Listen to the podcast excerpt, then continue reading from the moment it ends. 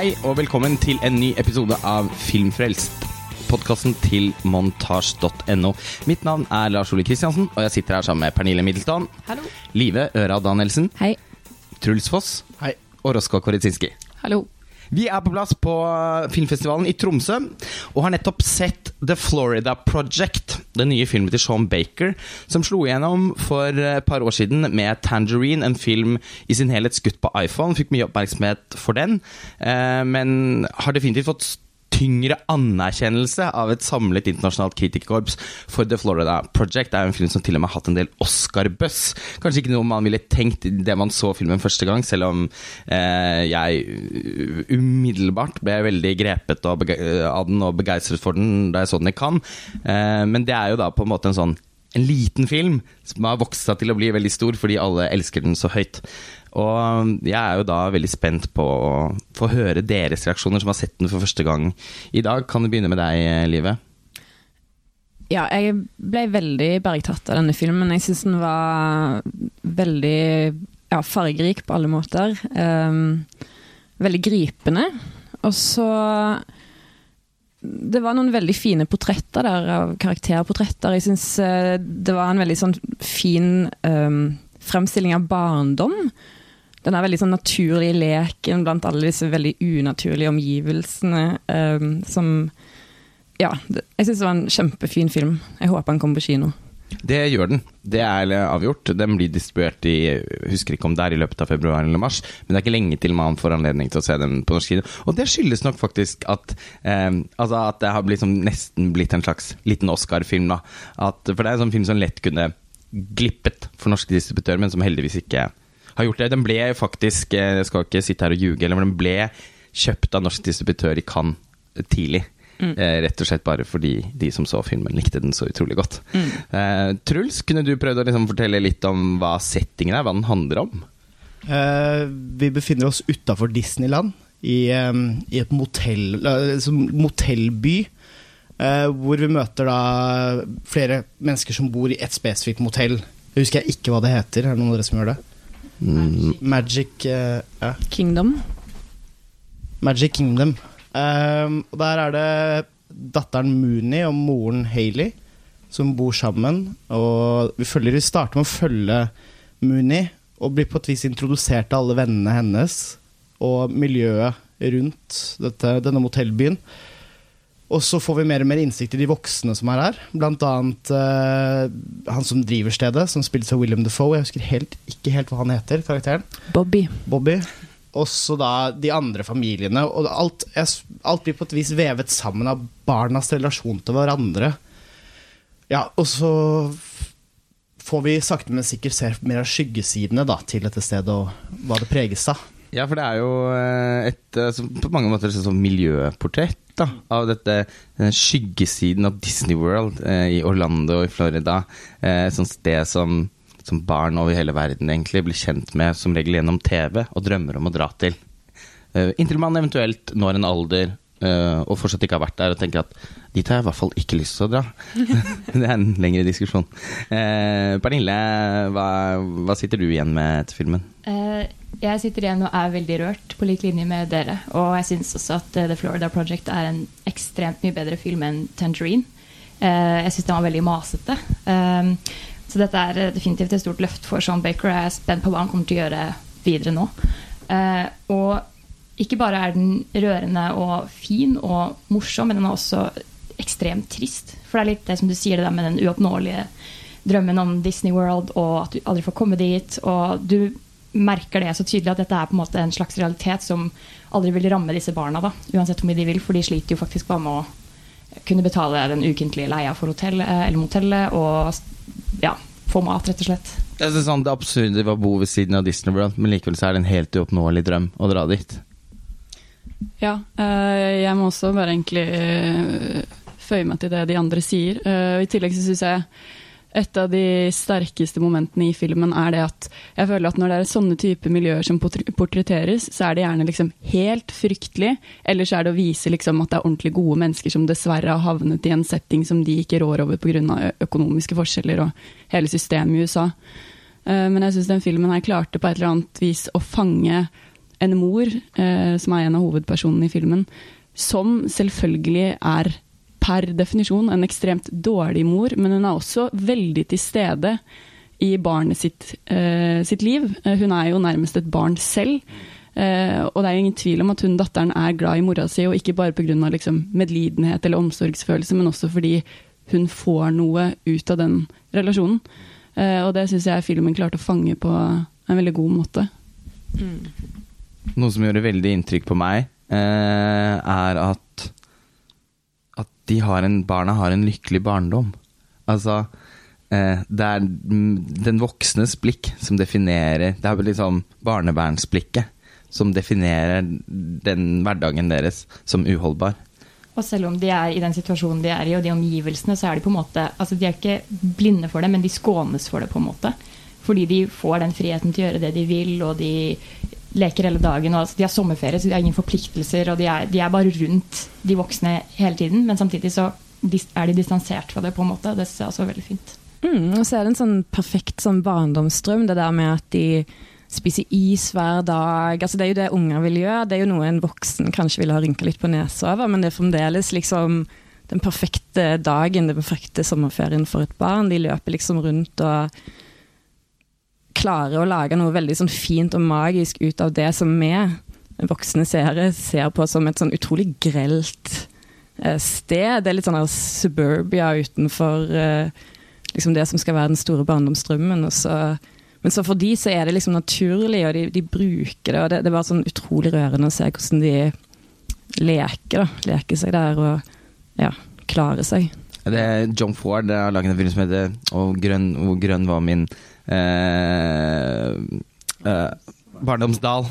Eh, og og, eh, som eh, Sveinung, som skrev en omtale eh, for oss av filmen i Cannes, eh, spilte på i sin overskrift. Og det er i hvert fall ja, så rosa og lilla og softis-farget var min barndomsdal. Altså, det er noe Ja. Det er grelt, ja. Men også syns jeg det har skikkelig sånn styggevakkert i filmen. Ja. Eh, I dag tidlig De viser jo også barndom og Margrethe Olin her oppe i, en, eh, i et sideprogram. Og jeg introduserte den en dag tidlig og så filmen etterpå, for jeg hadde ikke sett den før. Og den, det var slående den der, den driven med å bare følge barn og være med barn, hvordan den var så til stede i, i begge disse filmene. da, Veldig fint å se dem på samme dag.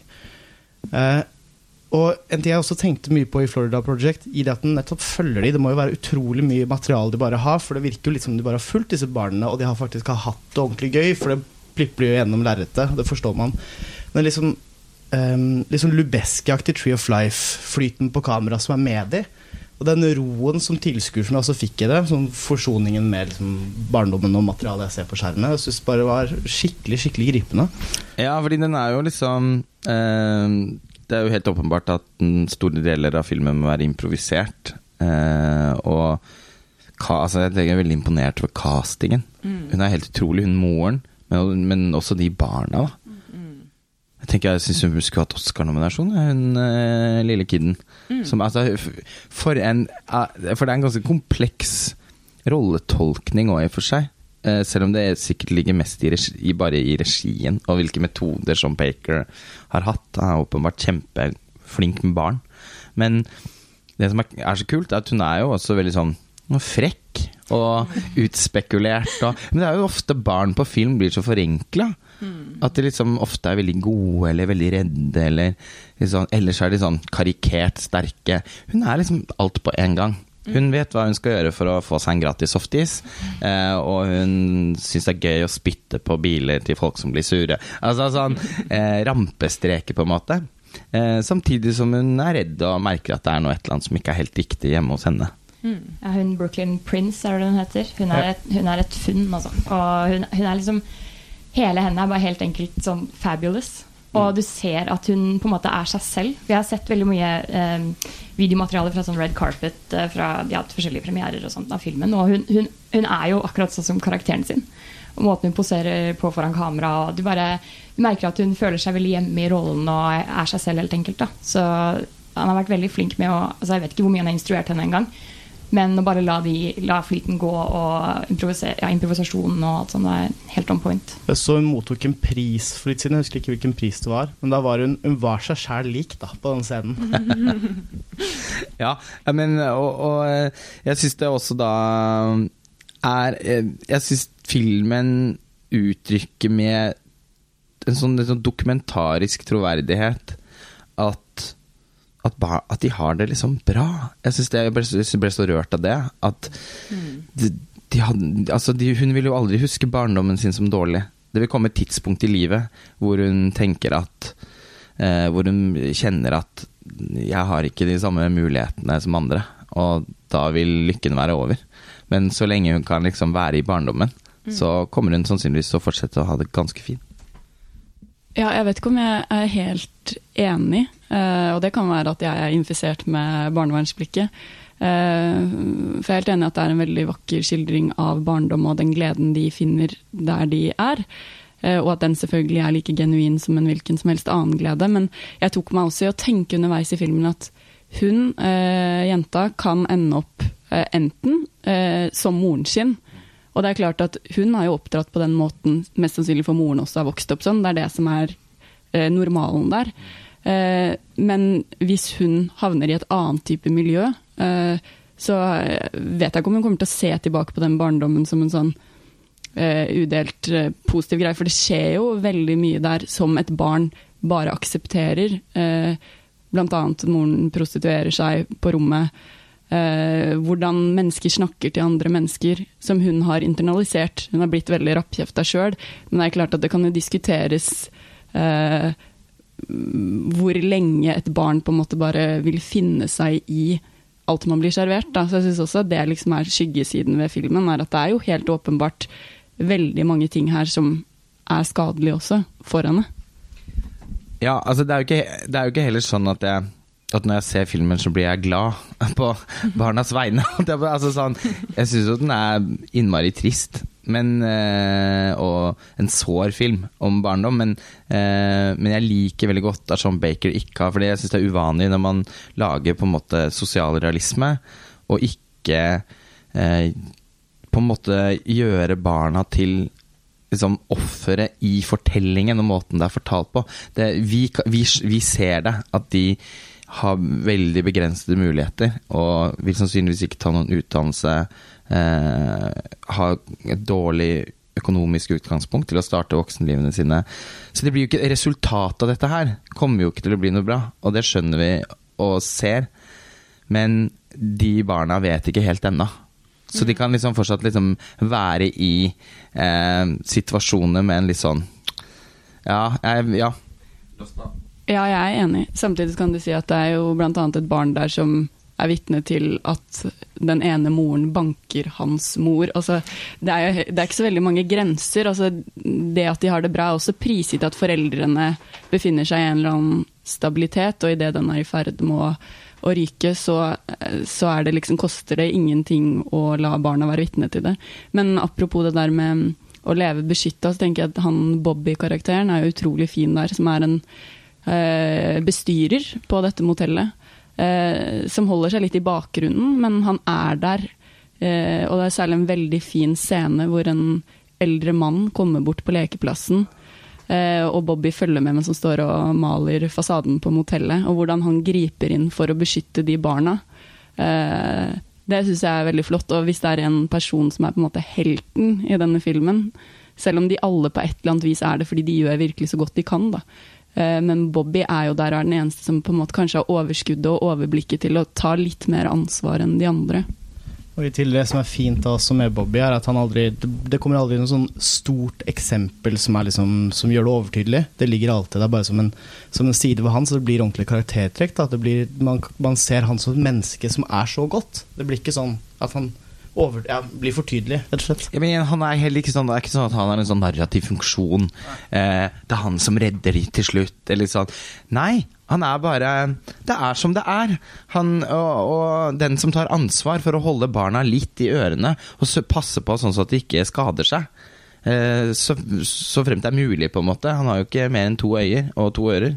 Men han prøver virkelig å gjøre den jobben. mm. fordi han er et godt og samvittighetsfullt menneske. Ja, og jeg tenker, apropos det dere snakka om, det med hvorvidt barna har det bra. altså Vi, vi, vi er nok enige om hvordan de har det, på en måte, men det, det, du kan si, er at du merker at de er trygge. De er jo ikke trygge sånn i verden, kanskje, men de er trygge til å være barn, eh, selv om de lever i, under forhold som, som jo ikke er ideelle, kan du si. da.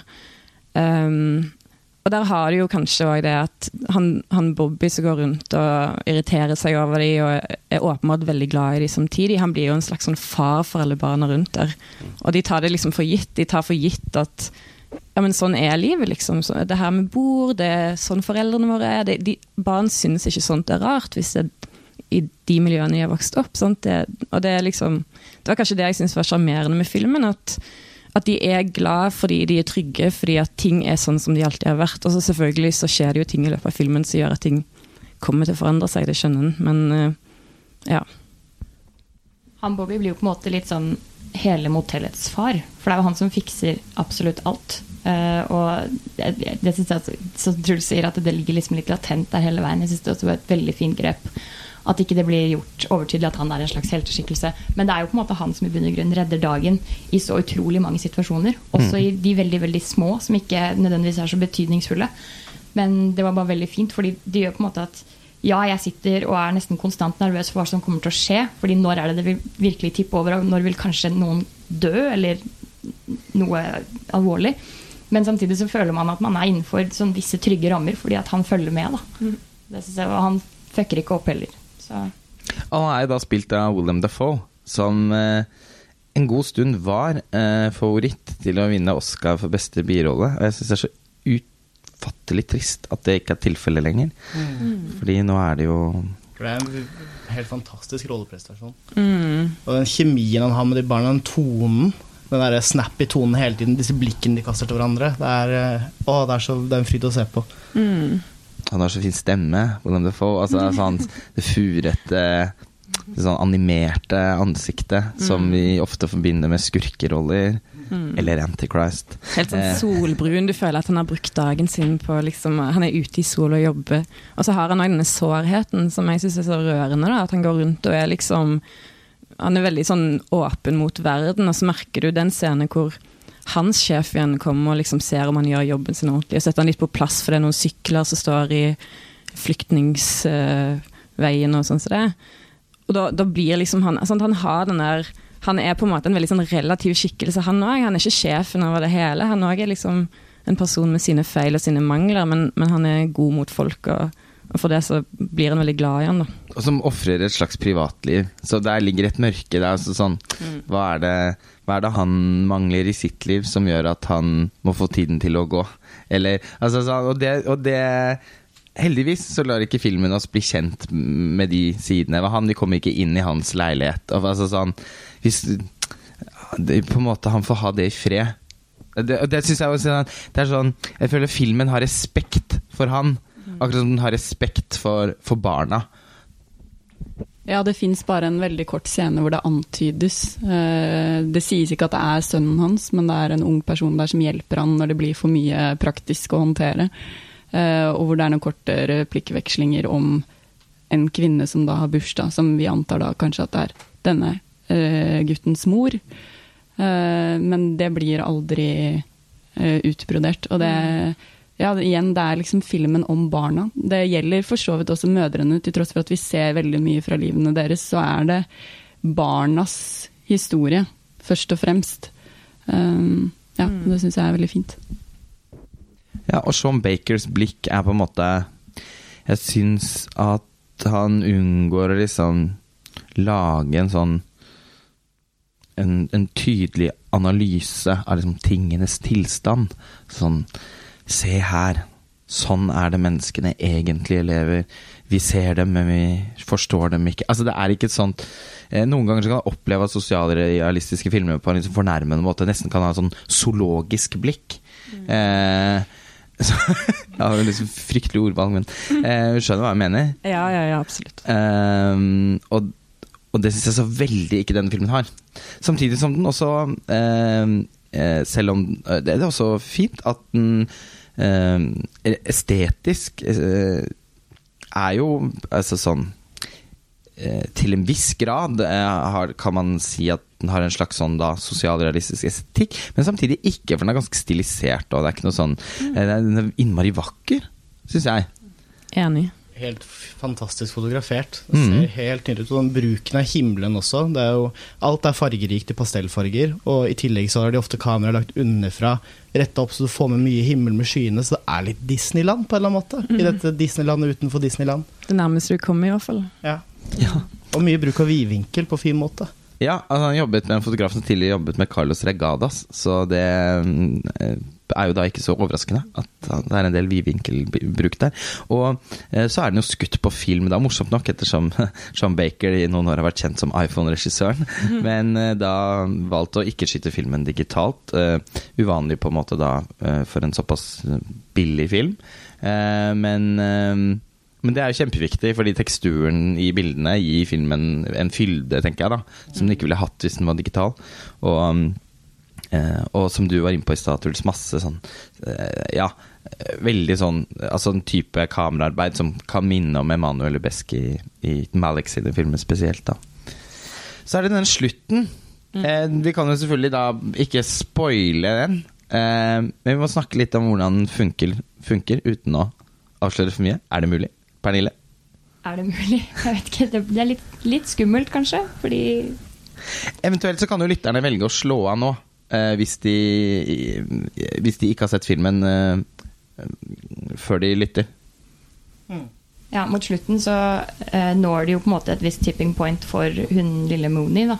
Eh, fordi nå har ting som vi da har ventet på, omsider gått for langt. Og barnevernet er da involvert, og hun må skilles fra moren sin. Og da har det åpenbart gått for langt for Mooney også, så hun stikker av til dette nabomotellkomplekset for å finne sin nye bestevenn, som, eller som hun har blitt bestevenn med i filmen. Og skal da opprinnelig ta et siste farvel med henne, men klarer det ikke helt. Noe som er altså definitivt filmens mest rørende scene. Jeg er sikker på at vi alle gråt en skvett der. Og så tar hun bestevennen hennes en avgjørelse og sier nei, vi, dette, er ikke, dette er ikke farvel, og tar henne med og rømmer mot Disneyland. Noe som er en veldig, veldig vakker symbolikk på hva vi har nettopp sett hele veien. Ja, det uoppnåelige Disneyland som ligger rett ved siden av. Det- Deres drøm er også en gang få komme inn dit. Altså, det er jo- åh, veldig rørende. Og hun Mooney har jo vært eh, Hun har jo Hun har aldri felt så mye som en tåre i løpet av hele filmen. Ja, for Hun er Og beinhard. Det Ja. hun er beinhard, og i det øyeblikket så ligger kameraet liksom så tett oppi ansiktet hennes og bruker så god tid på å se at hun liksom knekker sammen. da Som et ordentlig barn knekker sammen og begynner å gråte, hylgråte. Og så tar venninna henne i hånda, og da brytes det, for da blir det, går det over til å være digital. Da er det mobilkamera, og så løper det inn i Disneyland. Og jeg synes den den slags sånn drømmeaktig, men også den dokumentariske stilen med, med, digital, eller med mobilkamera der. Og en form for sånn frihet til de barna når de løper gjennom disse Jeg syns det var så gripende. Jeg pipla tårene. Jeg er litt trøtt i dag også, men kanskje litt. Men jeg syns det var skikkelig gripende. Det er jo på festivalen, festival, må vite. Men det var veldig fint. Altså, hun har gått rundt hun Mooney har gått rundt og vært veldig sånn her eh, frekk i kjeften. Hun har en språkbruk som kanskje skiller seg fra andre åtteåringer. Er det åtteårige? Eh, men på slutten så sier hun liksom, når hun, når hun skal si ha det til denne venninnen, og så spør hun hva har skjedd, hva har skjedd, du skremmer meg, og så sier hun jeg kan ikke si det, for hun, dette her er noe hun ikke klarer å liksom sette ord på. Og, åh, jeg syns det var så sterkt. Altså Det er utrolig underliggjørende grepet, da, egentlig, syns jeg, når, når de skifter kamera og de løper, og denne musikken som er litt sånn der 'velkommen til Disneyland', liksom. Og så ser du det her slottet. Jeg har aldri vært i Disneyland, men, men jeg, jo, jeg kjenner jo en liksom ikon Ja, veldig Du rørende. har sett Torneroseslottet. Har det. Eh, ja, men jeg er enig, altså det fordi de smører det ganske sånn tjukt på der, da. Eh, bryter jo litt med resten av filmen. Eh, dette formatskiftet som får en, en underliggjørende effekt, ja. Men eh, i utgangspunktet så er det jo den estetikk Altså sånn rent teknisk så er det jo på en måte den, den te- stilen eller estetikken som man forbinder med noe mer sånn skittent eller sosialt. Det var bare så rart at her var det helt motsatt effekt. At det Ja. blir som en drømme Og det er jo da en sånn drømmescene. Altså, det akkurat som Og at musikken også understreker jo det. Ja, ja, og det er akkurat som at ting liksom ble oppfylt. Du har liksom vært i disse kulissene, disse utrolig sånne her um, fargesprakende omgivelsene. De bor i et, uh, i et hus som er helt lilla. Det er en sånn farge du ikke finner naturen i det hele tatt. Og så føler du at på slutten så er det sånn at den magien da, du, du savner når du ser på det, som jo gjør at jeg omtaler det som grelt, i hvert fall. Det ser, det ser jo ikke noe fint ut. Um, det, den får du på en måte på slutten når de løper. Det er akkurat som at de liksom virkeliggjør sin egen sånn uh, sine egne omgivelser på, på en veldig sånn fin måte. Jeg syns det var et kjempegodt grep. Ja, også, eh, En ting jeg også tenkte over med den siste sekvensen, var En ting er at de har kommet inn i dette forjettede landet, men, men også eh, Da har de fanget veldig mange sånn vanlige, såkalt vanlige familier. Altså, du ser at det står en far og noen døtre og en mor og blir fotografert foran dette Disney-slottet. Og jeg kjente, Da ble det kanskje da det var tydeligst for meg hvor gode de har vært på å ta den settingen de har portrettert, på alvor. For Det var akkurat som om alle de vanlige ble så grå, sammenligna med disse to jentene og det vi vet at de har levd i. da. Eh, så ja, der ble det liksom veldig tydelig at han har klart på et eller annet vis å, å løfte fram deres virkelighet og portrettere den på en utrolig sånn også magisk måte. Samtidig så syns jeg at eh, slutten ikke bare var fin og en slags frigjøring, men fordi vi vet jo at det ender jo ikke her, på en måte. De kan jo ikke vende tilbake til Altså, de vil ikke kunne gå ut fra det eh, og føle seg like bra. Fordi hva er som venter på andre siden? Jo, det er jo på en måte virkeligheten og barnevernet og Ja, altså, og de, drar, jo- de kommer jo ikke inn i disse land. Altså, det er jo bare jeg tenker, Det er en Det er en liten drømmesekvens. flukt, men det er også på en måte helt uoppnåelig, samtidig som de er så nære og på en måte kommer dit. Så Jeg tenker jo, ja. noe, verre, eller noe verre venter, dessverre. Ja. Og det er det som er så trist. Det er derfor jeg syns slutten egentlig bare var trist. ja, men den er jo kjempe Jeg gråt masse. eh, Så jeg sy- syns det var liksom Og det at liksom Det er som om filmen da gir de den fantasien, eh, og så skal vi òg få kjenne på eh, at de har At de har drømmer, eh, og at det at premissene for deres ja, ungdomstid og voksenliv ikke er så veldig bra, så, så, så er de liksom også tenkende, følsomme mennesker som så, Altså, ja, jeg vet ikke. Den slutten eh, det det er sånn Man kunne egentlig bare skrevet eh, Man kunne, kunne nok skrevet en analyse bare basert på den, tror jeg. Og hva den rommer, og hvordan den virker. For det er et veldig spesielt grep. Og alle reagerer som på det. Altså sånn, og Ikke negativt. Jeg har ikke, vært- har ikke vært borti noen som syns at den, den ødela filmen. Eh, men eh, ja, den visningen jeg var på i Cannes nå, husker jeg var en veldig sånn fullstappa visning i en ganske stor sal her. Jeg tror ikke det var noen som ikke Når de gikk ut av salen. Det er morsomt hvordan noen filmer virker sånn på alle. Det er jo eh, ofte veldig individuelt hva man blir rørt av og sånn. og men den filmen klarer liksom å røske tak i de fleste, har inntrykk av. Vi eh, er jo Vi skal være på festivalen en stund til. Det er flere filmer vi skal se, så vi vil snart vende tilbake med en ny episode. Takk til dere for denne praten om The Florida Project. Takk sjøl. Ha det bra. Ha det.